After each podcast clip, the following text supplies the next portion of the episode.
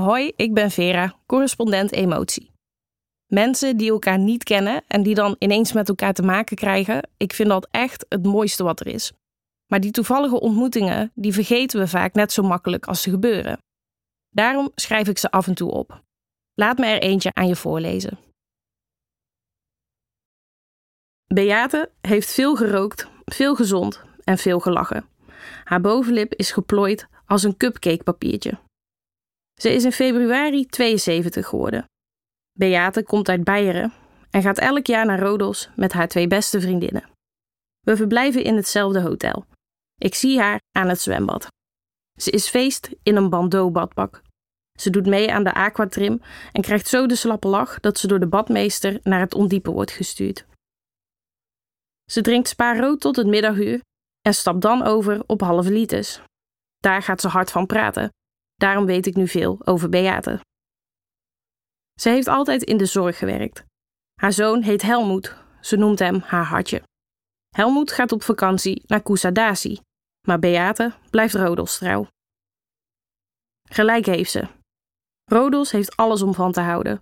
Een geitenstoofpot met komijn, die vertaald de long smell heet. Roze Engelsen in witte kleding. Strandjes waar niemand anders is.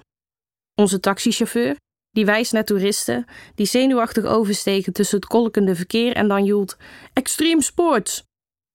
Het geautomatiseerde omroepsysteem in de stadsbus, dat bij de halte Pegasus zegt: Big asses. De hoogste rots van het eiland herbergt de Acropolis van Lindos. Achter een rood fluwelen koordje staat een halve pilaar uit de Griekse oudheid. De rest van de Acropolis bestaat uit lege sokkels met gegraveerde gouden plaatjes. Staat op: Hier stond ooit een standbeeld van Zeus. Beate hoeft er niet heen.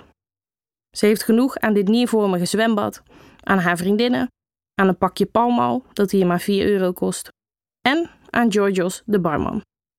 Ze tilt haar bril even een stukje op om hem beter te kunnen zien. Georgios is een visioen van borsthaar, tanden en Paco Rabanne 1 Million. Hij bemant smiddags de zwembadbar, waar hij pornstar martini serveert in plastic bekers. Ben je vrouw, jong en alleen, dan streelt hij even je hand bij het aannemen van je creditcard. In de ochtend werkt Georgios in de Massa is Casa ontbijtzaal. Daar heeft hij één taak: in de gaten houden of de lepels in de warmhoutbakken vol spiegeleieren, witte bonen in tomatensaus en vis van het dinerbuffet van de dag ervoor, extreem sport, niet in andere bakken terechtkomen. Een niet te onderschatten verantwoordelijkheid. Toen mijn oma tegen willen en dank 85 werd, vierden we dat met de tatakant van de familie bij een shin in het Spesrest langs de N56. En mijn toenmalige vriend, die allergisch was voor pinda, hapte die hele nacht naar adem omdat iemand met een satélepel in de babi pangang was geweest. Not on Giorgio's watch. Die loopt, handen op de rug gevouwen, achtjes tussen de buffetbars en onderschept elke opscheplepel die misplaatst dreigt te worden. Tussen de reddingsacties door vindt hij desondanks tijd voor wat extracurriculaire glijerigheid. Jonge vrouwen die in hun eentje aan tafel zitten omdat hun gezelschap even is gaan plassen, vepen of een derde portie ontbijtfriet halen, kunnen rekenen op een bezoekje. Zodra het gezelschap gevlogen is, staat Georgios bij hun tafeltje met een glas koud sap, een glinsterende moot watermeloen of een piepklein stukje Griekse bak op een papieren bordje. Kalimera, zegt hij dan, my sweetheart. Afhankelijk van hoe warm de respons is, loopt hij door, schuift hij aan of wrijft hij de dame over haar roodbruine schouders en zegt: Goed insmeren hoor, vandaag. Mij komt hij, als mijn moeder koffie haalt, vragen of ik een lepel nodig heb. Ik eet toast.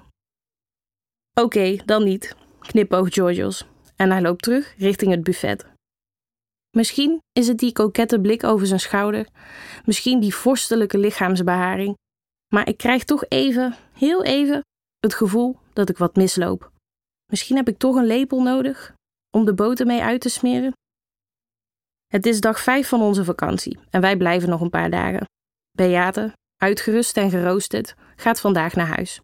Ze maakt een rondje langs het personeel, noemt ze haar tweede familie, bedankt voor alles en belooft volgend jaar terug te keren. Iemand zoeft achter me langs. Het is Georgios. Beate wil hem groeten. Ze roept. Hij snel wandelt via de beken en de worstjes, grist een tang van de plaat die plots nodig moet worden afgewassen en haast zich richting de klapdeuren van de keuken. Hij hoort haar niet. Hij hoort haar niet. Tralalalalala. Dan is daar zijn collega, Julie. Georgios, roept zij, zo dwingend dat de hele rechterkant van de zaal opkijkt van hun bord.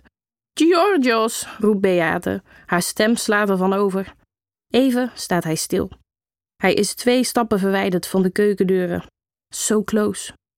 Hij laat de tang zakken, dan zijn schouders, draait zich langzaam om en staat oog in oog met Beate. Ze steekt haar armen naar hem uit, alsof ze wil dat hij haar oppakt. Hij probeert nog te gebaren naar de tang. Hij heeft even zijn handen vol, sorry. Maar Beate is niet snel ontmoedigd. Bedankt, zegt ze, terwijl ze haar armen strak om zijn middel slaat. Het was weer, ze kust hem op beide wangen, wonderbaar. De kussen zijn hard en nat. Ik heb zo genoten hier. Dan strijkt ze met een vinger over zijn bicep. Tot volgend jaar. Beate draait zich om en loopt de ontbijtzaal uit. Er staat een touringcar op haar te wachten.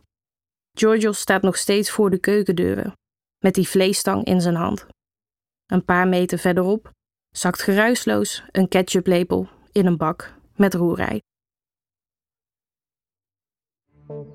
Het is de missie van de correspondent om voorbij de waan van de dag te gaan. Onze correspondenten voorzien het nieuws van context en schrijven over de grote thema's van deze tijd. De correspondent geeft me de vrijheid om mijn nieuwsgierigheid te volgen en de tijd om verhalen te schrijven. En zo probeer ik onzichtbare structuren zichtbaar te maken en een andere kijk te bieden op debatten die het nieuws domineren.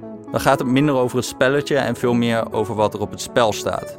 Vanaf dag 1 zijn onze artikelen, boeken en podcasts gefinancierd door onze leden. Volg ons op onze journalistieke zoektocht. Overweeg eens lid te worden van de correspondent. En maak daarmee samen met ruim 70.000 anderen onze onafhankelijke journalistiek mogelijk. Dus word lid van de correspondent. Ja. Word lid. Word lid.